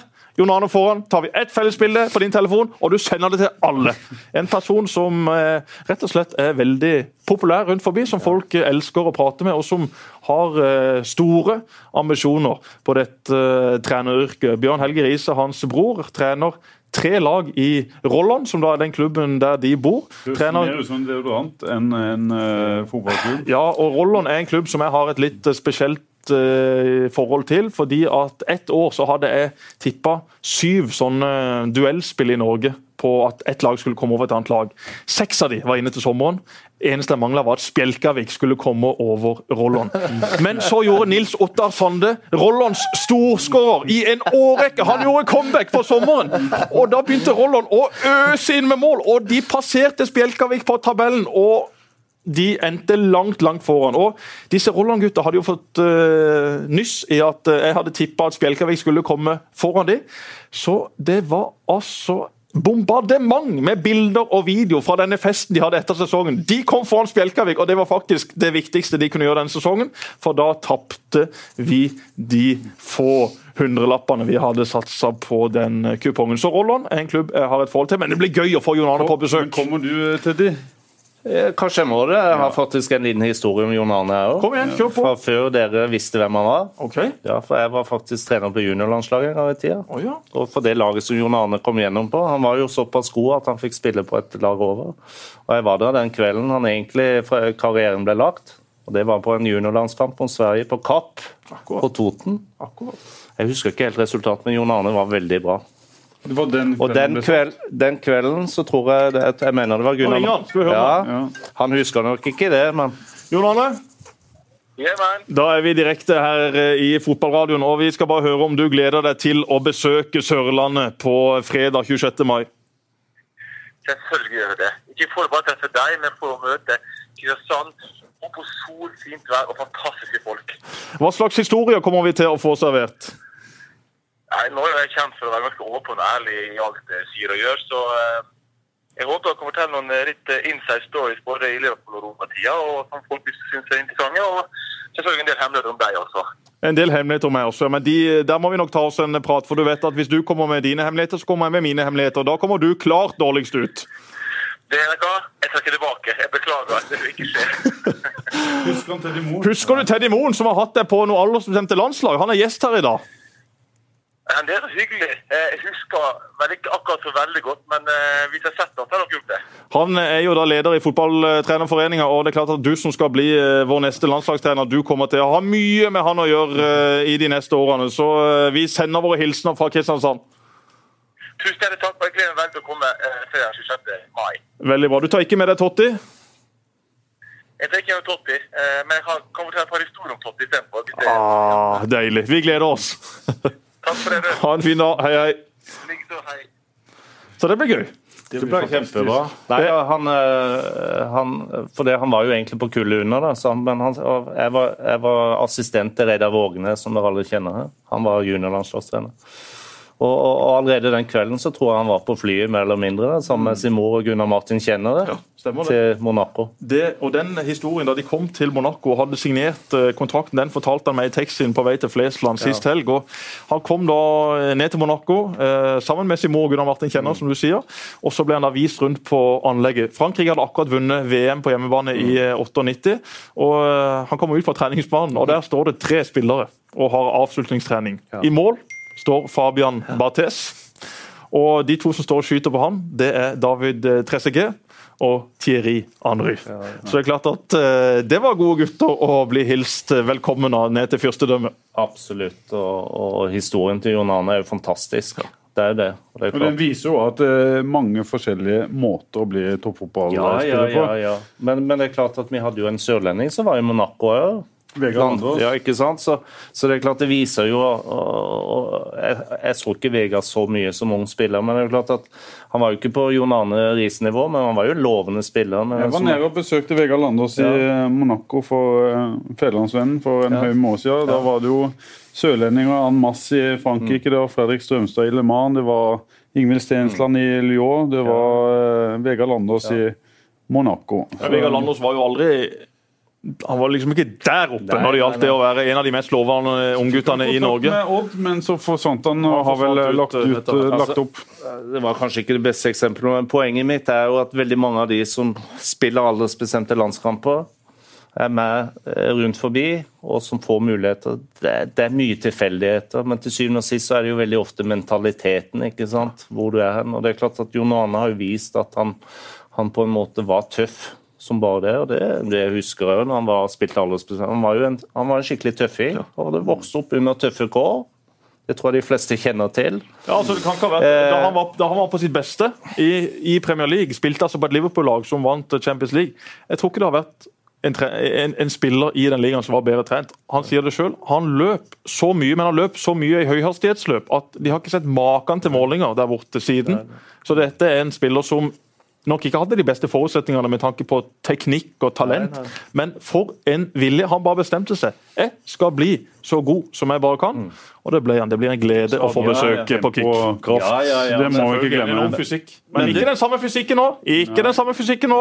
Det så vi på et TV 2-innslag her på Sporten at eh, på litt, eh, litt tyngre i sessen akkurat for øyeblikket, men har begynt å sykle. Og har sykla hundrevis av kilometer, som vi garantert kommer til å høre om neste fredag. Han er veldig fornøyd Men, med men å fortelle om det sjøl. Spør i forhold til trener. Ja, for Jon Arne vil bli Ja. trener. Kanskje jeg skal bli trener. I alle fall ta trenerutdanningen, da. Hva gjør man da? Hvordan går man fram? Hvordan er dette løpet? Nei, altså det her løpet er veldig sammensatt. Det er jo det. Og folk har forskjellig bakgrunn. Og det viser seg jo at eh, det er klart at ikke alle topptrenere for Hvis vi snakker om topptrenere nå, la oss konsentrere oss om de som er manager, topptrenere leder porsjonelle lag. da. Så det er klart De har forskjellig bakgrunn. Tidligere så var det veldig mye tidligere spillere. Det var et utgangspunkt. Det var veldig sjelden noen ikke hadde den bakgrunnen. Òg i Norge. Og så har pendelen svingt litt. Og I dag har vi jo folk på under 30 år ikke sant? som ikke har spilt veldig mye fotball, men som leder lag i topp-Europa. Hoffenheim. Ja, Hoffenheim og så videre. Og Mourinho er på mange måter blitt trukket fram som i dag er en av de ledende managerne i verden ikke sant? med sin bakgrunn. Og, og, så, så greia her er jo at bakgrunnen er forskjellig, men du kommer ikke utenom det at du trenger mye erfaring. Du trenger mye god livserfaring. For det er jo en kombinasjon av veldig mange ting en trener. Men du skal være en dyktig leder, spesielt når du driver med toppfotball. Og leder blir du Du blir jo ikke født til å bli leder, det tror jeg de fleste skjønner. Det, det å bli leder er jo et, er et produkt litt av, av personlige egenskaper, men først og fremst av erfaring. Og det er erfaring som spiller, veldig viktig, men ikke nødvendigvis på toppen. Det tror jeg ikke. Men at du har vært og spilt og kjenner mekanismene. Veldig mye som trener, at du har masse trenererfaring og prøvd deg ut. Eh, masse erfaring som både politiker og som tilskuer osv. At du, du på en måte har levd et langt liv i det. At du på en måte er politiker. Ja, ikke sant? For eller mot atomvåpen? Ja. For! Ja. For gutter skal ha det beste. Ja, som jeg sier, i dag, altså, Fotball handler om å ta valg, ikke sant? Er ikke det politikk handler om? Altså Velge noe framfor det andre. Du må være politiker. Det er noe av det jeg utfordrer en del trenere på. at altså Trenere som ikke er interessert i hva som skjer i forhold til ressursfordelinga i klubben. At ikke du skjønner at det påvirker jobben din. Jeg var er nestleder i elevrådet på skolen. Ja. på barneskolen. Det- tror at en Der del har du den. var ikke det viktig? Jo, det var viktig, det. Fikk til og med 200 fikk til og med 250 Ja. kroner for å være med på styremøte på skolen. Men Det var gode penger, det- etter den lange innledninga så, så er det klart at poenget mitt er at å tro at en bare skal gå på noen kurs, og så blir en trener, blir helt feil. Selvfølgelig. Det skjønner jeg Men- også, men, men disse kursene, da. Det er en veldig viktig start. Og poenget mitt, sånn som jeg liker veldig nå, det er at spillere òg blir tilbudt kurs underveis, for det er bra. For Du kan kombinere og sette ting litt i system. For det at, ja, du har erfaring, men du skjønner ikke helt hva, hvordan, hvor henger denne erfaringen her, hvordan skal jeg bruke den. Så det er veldig bra. Men, men utdannelse eller dannelse For dannelse er like viktig som utdannelse. Altså Dannelse er jo på en måte åssen du som menneske Så det handler jo mye mer om bare å lære fotball, 4-4-2 osv. Du må lese filosofi og etikk osv. Og, og du skal drive med pedagogisk arbeid, ledelse. Så det er veldig viktig. Men jeg vil si at- X-Fac har jeg også tatt, og der har jeg også en historie. Fordi at eh, det skulle skrives en oppgave i eh, ja, om det var X-fil eller X-Fac. Det var jo totalt uinteressant, det faget. Men jeg satt nå der på skolebenken på UiA og tok en sånn multiple choice-prøve. Der satt jeg heldigvis ved siden av ei eh, flink jente. Eh, hun, det fant jeg ut at hun var flink etter at jeg fikk eh, svar på besvarelsen, for jeg hadde jo bare kryssa det samme som hun. Og så var det da i X-Fac, tror jeg, det var en oppgave som skulle leveres inn. Og Trine hadde tatt, eh, min samboer hadde tatt eh, dette faget året før. Eh, hun hadde ikke levert noen strålende oppgave, for det er jo mye av det. Mye av det, det er sikkert noe av det som er bra, men mye av det er jo totalt uinteressant. Eh, hun fikk en E på denne oppgaven. Og neste år så skulle jeg etterha det, og eh, selvfølgelig så skrev jo ikke jeg den oppgaven sjøl. Det delegerte jeg jo bort, slik gode ledere gjør, Teddy, til eh, min kjære Trine. Og hun skrev da en oppgave for meg også. Hun står da med E i sitt eh, holdt på å si vitnemål. E står med B. Så eh, det var jeg fornøyd med. Kanskje. Hva sa du? Er det like de oppgavene, eller? Nei, Ikke absolutt ikke. Det var jo forskjellige oppgave, håper jeg, oppgavetekst osv. Så, videre, så ikke like oppgaver. Men hun må Men- være den første som har stått på to eksamener i samme fag. da. Nei, Sånn er det sikkert mange som holder på. Sånn er det sikkert mange Men som holder på. en av de tingene jeg gjerne vil slå et slag for, Ja, kom igjen. det er at hvis du skal bli trener, så må du faktisk øve deg på å bli trener. Og det er klart at det som ofte, skjer litt for ofte i dag, det er jo at folk går rett fra spiller, kanskje, Mm. eller rett fra utdannelse, inn i et fullverdig treneryrke. Ikke, både som topptrener, men også som utviklings... Altså Du har skaffa deg en bachelor eller en mastergrad, som egentlig er et veldig godt svennebrev. Men det er jo først når du begynner å arbeide du virkelig skal begynne å sette det i gang. Så jeg tror at du er ferdig utdanna da, helt feil. På samme måte så, så jeg opplever jo dessverre at litt for lett, og det, og det slår ofte tilbake på trenerne, for de er ikke forberedt. Og som jeg sier, det er litt sånn én strike, OK, kanskje du får en mulighet. Hvis du har vært spiller, får du en mulighet til. Men hvis, får, hvis, ikke du har hatt det, så, så får du én strike eller to strike, så er du ute av det her. Og de her folka her kunne jo blitt kjempedyktige trenere. Og mange av de jeg ser som egentlig er de dyktige trenerne, er jo ikke en del av de rollene de burde være i norsk fotball. etter min. Jeg har ikke lyst til å nevne navn, men de har jo så mye erfaring, de er jo så dyktige. Men fordi at eh, de kanskje ikke har vunnet nå, og det er jo veldig få som kan vinne nå. Ja. Men de kan jo allikevel gjøre en glimrende jobb. Kanskje de får mye penger for å være ekspert?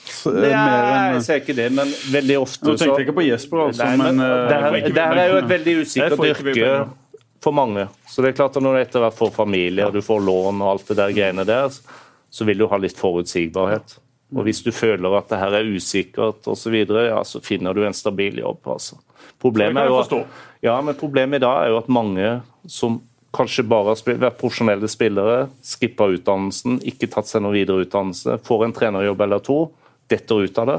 Hvilke trener vil du gjerne sett i en, eh, en, toppjobb som ikke er i miljøet i dag? Nei, Jeg har ikke lyst til å bruke navn. for det at eh, Hvis, hvis jeg nevner det, så blir det litt feil overfor de jeg ikke nevner. skjønner du? Ja, ja, men, uh... jeg, det har jeg ikke lyst til å si. men men, men, nei, men altså, jeg skulle jo veldig gjerne ha sett for eksempel, Veldig mange er jo opptatt av utdannelse, det er jo, mm. men jeg er jo veldig opptatt av etterutdannelse og ta vare på mange av de som har masse erfaring. Og Det som skjer i bransjene våre, er dårlig logistikk. Sånn at når klubber skal finne gode trenere på utviklingssida, ja, så finner du de som er ivrige og som søker på jobbene. Men det er jo alle de som aldri søkte jobben. For i dag er, og jeg er litt tilhenger av det. Jeg syns det er fint at de lyser ut jobbene. Mm. Problemet er bare det at mange av de som skulle hatt de jobbene, søker aldri den jobben. For de vil, ikke, de, vil ikke, de vil, ikke, komme i et punkt der de ikke får jobb. Men bare kjapt om altså, ja. Eh, for å bli trener, selvfølgelig må man ha masse erfaring og livserfaring, og alt dette, men du må jo også gjennom disse kursene. Ja, altså igjen, jeg må, jeg må, tilbake til Alle kan jo bli trener. Du kan jo bare banke på døra på en klubb, Jesper. Ja. Og så ville du jo fått jobb med en gang. Du ville ha fått det. Ja, det kommer helt an på ja, hva slags klubb de, det ja. Det er noen klubber jo. som nok ikke hadde altså, vi, som jobber, skal... vi, vi, som jobber i TV 2, det er jo ingen klubber som åpner dørene for oss. Nei, nei, nei. Det vet du godt. Nei, altså... det, har, det har eh, NTF eh, sørga for, så, så, vi er ikke velkommen noen nei, steder. Det er jo visse krav. og Hvis du skal jobbe i toppfotballen, så må du ha en visse trenerlisenser. Skal du jobbe i Tippeligaen eller Eliteserien som det heter i dag, så må du ha prolisens, den høyeste utdannelsen. Så det betyr jo at det er yrkesforbud for din del. Ja. Du kan ikke få denne jobben. Du kan ikke det før du har skaffa deg det. Mitt poeng er at det må ikke være sånn at fordi det er noen som får trenere på det nivået, så har de ikke lisensene, så gir du dem bare lisensen. Sånn kan vi ikke ha det. Det ville jo vært helt utenkelig i, i en fotballnasjon med lengre tradisjoner. Det er jo ting som vi har påtalt overfor NFF, som de har skjerpa inn. Ja. Ja, det er vel trenerne også flinke at de som har ambisjoner, de tar disse kursene for å for Selvfølgelig, og det er jo karriereplanlegging, det her, men det er jo ingen garanti for at du får den type jobb. ikke sant? Men tilbake til utgangspunktet. Hvis du skal bli trener, ja, så må du på en måte du må jo være, Hvis du skal bli topptrener, så er det litt sånn at du må jo være i miljøet. Det er vanskelig å komme utenom det. Altså Hvis du har vært en veldig god spiller og begynner å gi signaler om at du blir trener, så, så, så, er det klart at noen klubber er interessert, men det er jo veldig få som ansetter det som hovedtrener i dag. Mm. De, men det gir deg gjerne en assistenttrenerjobb, en spillerutviklingsjobb, og så ser de litt an. og så Når treneren kanskje forsvinner ut, så er du en kandidat. og Da kan du komme inn i det. Er du sånn at du tenker av og til Jesper, at eh, det har vært gøy å, å ta og starte på en sånn eh, karrierestige, at du har det som skal til? Uh, ja, det hadde vært interessant, det. Um, å være fotballtrener virker spennende, det virker gøy, og det tror jeg hadde kledd meg fint, det. Eh, selv om det hadde sikkert vært eh, på min måte der også. Det er sikkert ikke alle som hadde gått overens med meg der heller, men eh, det virker absolutt spennende å være trener. Det at Du blir ikke noen god trener hvis du skal gjøre alle vel forlikte. Så det, det, du blir ikke noe god på TV heller hvis du skal gjøre alle forlikte. Nei, og det er veldig viktig, for du må ta upopulære avgjørelser, men det er måten men, du håndterer det på. Seriøst, eller er det med en sånn tanke langt bak i Nei, huet? Altså, det er jo det. Altså, jeg kunne godt tenkt meg allerede nå, først og fremst i det korte bildet, for å bli flinkere på TV. Mm. For å bli flinkere til å tenke så som en trener for å bli flinkere til å se ting ute på banen. For å bli flinkere til å analysere eh, spill, motspill, eh, hva slags svakheter og styrker de forskjellige lagene har. Jeg snakker med veldig mye folk rundt forbi i Norge. Et par av de er ekstremt lærerikt å prate med, og de sier noen ting som jeg tenkte ja, men jøss, hvorfor har du ikke tenkt på det før? Eh, Det burde jo du sett. Men det å liksom tenke som en trener det er noe helt annet enn å tenke som en spiller. og Det sier også TV-selskapene. Vi skulle ønske vi at vi hadde flere trenere inn i et TV-studio for å se det fra et trenerperspektiv. Ikke kun tidligere spillere, men utfordringa er jo ofte at de som er de flinkeste trenerne, de har noen kule jobber fra før. Men for min del, da, som elsker Kristiansand, eh, jeg kunne aldri tenkt meg å blitt en trener og måtte ha flytta Norge rundt med familie og unger for å komme til toppen. Og Det er jo det som stopper meg fra å si at jeg har kjempelyst til å bli en topptrener i Norge. Det kunne ikke jeg tenke meg. Men startjobben blir jo snart ledig. Det viser jo all uh, historie. Jo, men også skal du ha, Si at du, får, si at du skulle vært uh, starttrener. da, så er det klart at Som Teddy sier, jeg ville aldri tatt en starttrenerjobb før man hadde hatt uh, masse erfaring. For Hvis du mislykkes én eller to ganger, ja, så er du ferdig på det. Og så er du også kanskje ferdig på andre ting også. Jeg har det kjempegreit der jeg er nå, på TV, i fotballradioen og med alle de andre tingene jeg holder på med, men det er klart at det å ta den utdannelsen først og fremst synes jeg virker kjempeinteressant. Masse flinke folk man da vil holde på å si lære sammen med. Man vil knytte et enda større kontaktnettverk. Og så er det masse flinke folk i organisasjonen som da skal lære deg opp. Så dette er jo egentlig Da begynner vi på trenerkurs. Fotballradioen på trenerkurs. Skal du ta? Ja, jeg skal ta trenerkurs. Ja, men hva gjør vi da? Hvor begynner vi? Hvem ringer vi? Nei, Alle de altså, som hører på. Er det noen flere som vil være i klassen? Ja. jeg jeg skal ta det. ja. Altså, det, da anbefaler jeg altså det, det grunnleggende kurset. Det heter grasrottreneren. Ja, Før så het det C-lisens. ja.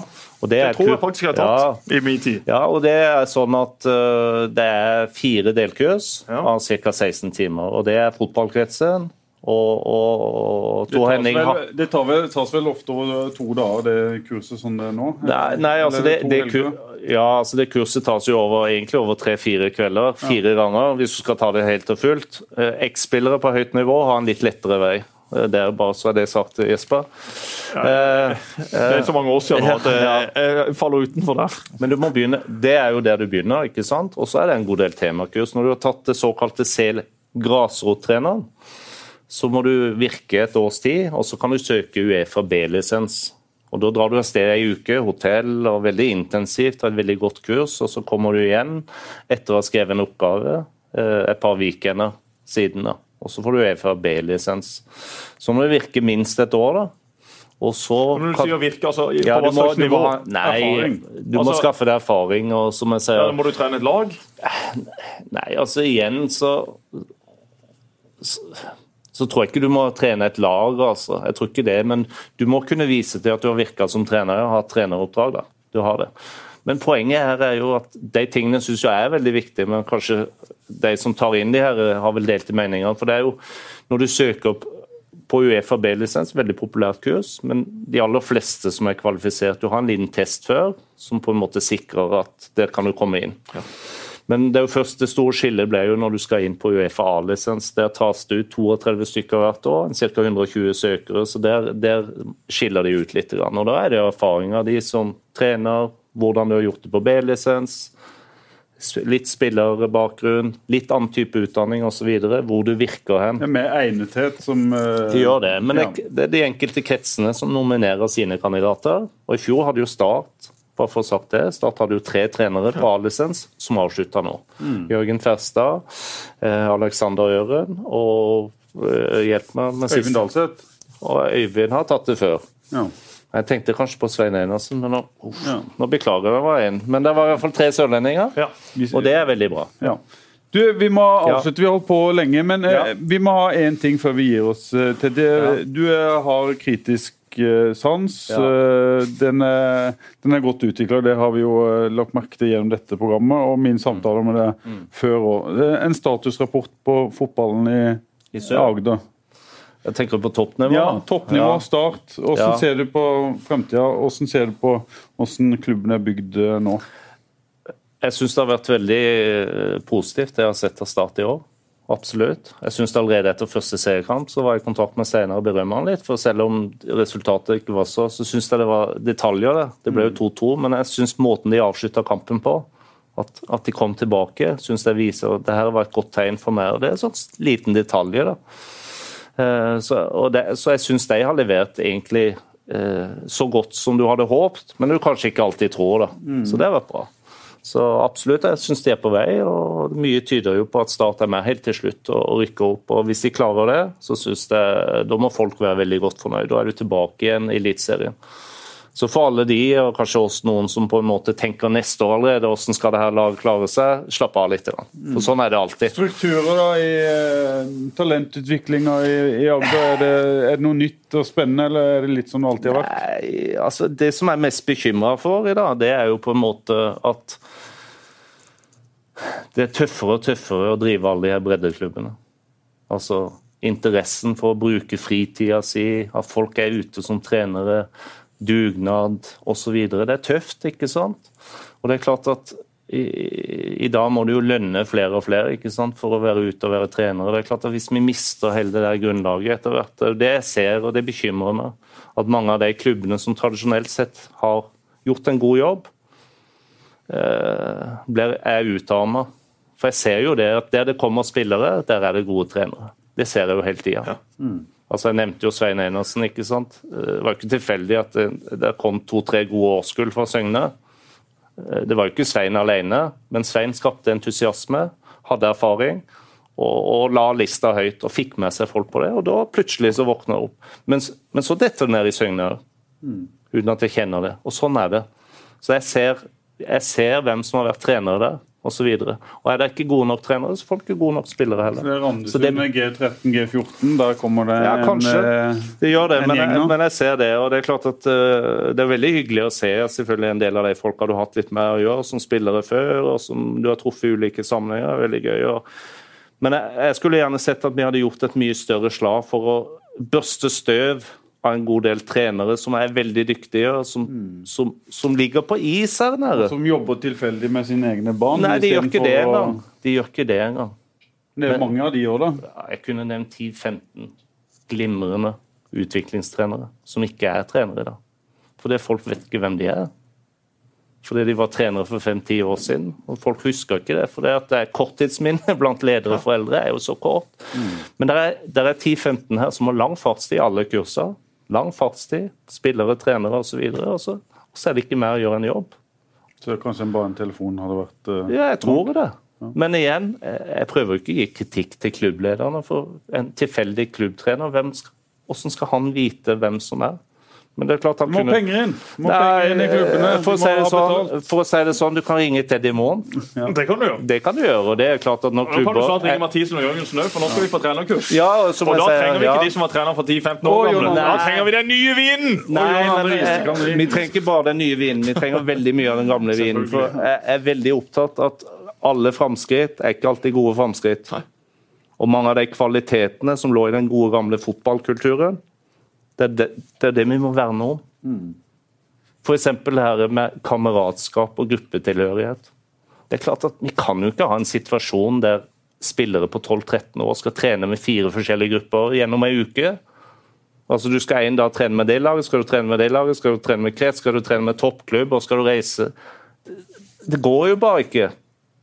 Men alle skal ha en bit i de beste spillerne. Og, det, og folk skjønner jo ikke at det her er jo ikke bra. Og Nå får jeg helt sikkert kritikk, ikke sant? for sånn er jo modellen vår i dag. Men, men det tåler jeg. Men jeg skulle gjerne satt meg ned med trenerne rundt bordet og diskutert det. Men vi lager en debatt! Hæ? Vi lager en debatt. Jo, men jeg ser ikke det, men inviter noen flere trenere. Vi leier Kick, setter opp et eh, panel, og så diskuterer vi talentutvikling. Jo, men altså, jeg har skrevet, jeg har skrevet en Samarbeid mellom Norsk trenerforening ja. og Fedrelandsvennen. Jo, men i dag jeg ser... Ja, ikke det vært gøy? Ja, veldig gjerne. Men, men, du har sånn som i dag. Du har nasjonal serie for 14-åringer. Det er kjempebra på en måte. Er det det? Altså, men, men er det bra? Er det bra at et G14-lag skal bruke en hel dag og fly fra den ene delen av landet til den andre for å spille én kamp? Er det god utvikling? Er det god bruk av ressurser? Hva med å bruke disse pengene på noe annet? Nå skal jeg være enig, og nå får jeg kritikk. For det jeg sier rett ut, jeg er helt enig med deg, Jesper. Hvorfor skal vi bruke penger på flybilletter istedenfor gode trenere og gode treningsmiljøer? Ikke sant? Men fordi det er noen som er satt til å bestemme det, mener at å ha gode kamparenaer for de beste er viktig Ja, for utviklinga. det er jo sikkert de samme folkene som bestemte i sin tid at det skulle vært bygd hundrevis av nye arenaer i Norge, som Ja. står skål tomme. Ja. Russ nå heller opp det vi hadde. Det var jo mer enn godt nok. Det er jo ikke der skoen trykker. Nei, men det, eh, men det tas utrolig mange feil valg i fotballen på veldig mange områder. Jeg prøver ikke å si at jeg sitter på sannheten. Jeg tar, jeg tar Nei, en haug av feil valg, både privat Jo. og i jobb. Og, Men du nevnte stadion, og det er klart jeg var en av de store kritikerne til det nye stadion. Jeg skrev til og med leserinnlegg i FVN der. Jeg fikk jo så hatten på seg. Det var Kona mi sa nå må du slutte. med det. For jeg sa det, for vi, vi kan leve veldig godt med Kristiansand stadion. Men vi må ruste opp Kristiansand stadion. Og så gjør han det vi trenger, er et godt fotballag. Så kommer folk på den tribunen. Og Jeg sier ikke det du kunne bygd en mindre stadion, men, jeg prøver ikke å si noe i etterkant. Jeg skulle høre på Teddy, for det har skjedd. Det ville vært dumt å bruke masse energi på det. Men jeg syns at vi skulle hatt en større kritisk debatt den gangen. Som vi skulle ha hele tida. Det har utfordra jeg Pål på Feven òg. Jeg syns at Feven innimellom burde ha vært mye mye mer kritisk både til Start og den lokale fotballen. Og Da hadde fotballen blitt mye bedre. Vi trenger kritikk. Vi trenger folk som følger med, osv. For det. Og trenerne er ofte de som er flinke til å verne om sitt eget, og de burde også ses mye mer i, Så er det i litt dårlig klima på Sørlandet for å være for kritisk. og det ja, er ja, synd. ja, ja, men Men jeg, nå starter vi en debatt. Nå skal vi være kritiske. Ja, ja. Ærlig, Vi skal få ting på bordet. Nå skal vi få kaktus. enda til det bedre. Ja. Ukens kaktus. Ukens kaktus. ja, ja, ja, ja. Men vi må Men, gi oss. men òg ukens blomst, for det er klart at Ukens blomst. Skal vi begynne å dele ut det? Ja, ja, ja. eh, Roser. For det er klart at jeg, jeg, jeg vil gjerne slå et slag for å framsnakke og være positiv. Ja. For jeg tror det er veldig uheldig for fotballen hvis alt blir negativt. Så, jeg- men eh, kritisk debatt må jo avstedkomme at vi òg må heise fram de gode tinga. Og som jeg sier, når jeg sier at vi har en fantastisk breddefotball og et fantastisk engasjement blant de unge, da blir det feil hvis vi begynner å kritisere foreldretreneren for at de ikke gjør jobben sin. Nei, men det gjør vi ikke. Nei, nei, nei men, ser, men, det er, ja, men det er mange grupper som sier det. La, la oss kvitte oss med foreldretrenere bare for profesjonelle trenere. Det er helt feil. Da kjenner de ikke den norske idrettskulturen, den norske idrettsbevegelsen, som er helt unik, og som folk kommer fra hele verden for å kikke på. Hva som gjør at dere klarer å få det her til. Se på Sør Arena. Ethvert land i Europa hadde syntes det var helt fantastisk å få en sånn arena. Vi har en av de flotteste Ja, selvfølgelig. Og den vil stå der. Det er jo en ja, vil stå, men hvordan var det mulig? Hvordan var det mulig? Og Det viser jo at det er noen kvaliteter i Norge som gjør oss i stand til å bygge de mest fantastisk flotte stadionene. Problemet er jo at vi er ikke like flinke til å bygge de som skal levere innholdet på de her anleggene. Men det kan vi ta neste gang. Du må komme igjen. Og ja, Vi er avhengig av foreldre, og vi må få de bedre skolert. Og vi må få folk på Eh, ja, Ikke bare foreldre trener, men også foreldre. Det er enormt mye rare foreldre der ute. Så må vi få folk på kick eh, neste Ja, fredag. Fredag 26. juni. Nå er det det begynner. Klokka Nei, og jeg tror dørene åpner sju, og så kommer vi på scenen i åttetida. Ja, det blir enormt gøy. Ja. Bare å stille opp. Det blir eh, som sagt eh, storfint besøk. Og det blir også Bjorvans som skal spille opp til eh, musikk, dans og festivitas etter at vi er ferdig på scenen. Den som kommer til å synge høyest og danse mest, selvfølgelig Jon Arne Riise. Jon Arne Riise. Takk for i dag. Takk for i dag. Takk for i dag. Hyggelig å være her. Programmet presenteres av Dues Sportsreiser, spesialisten innen sportsreiser.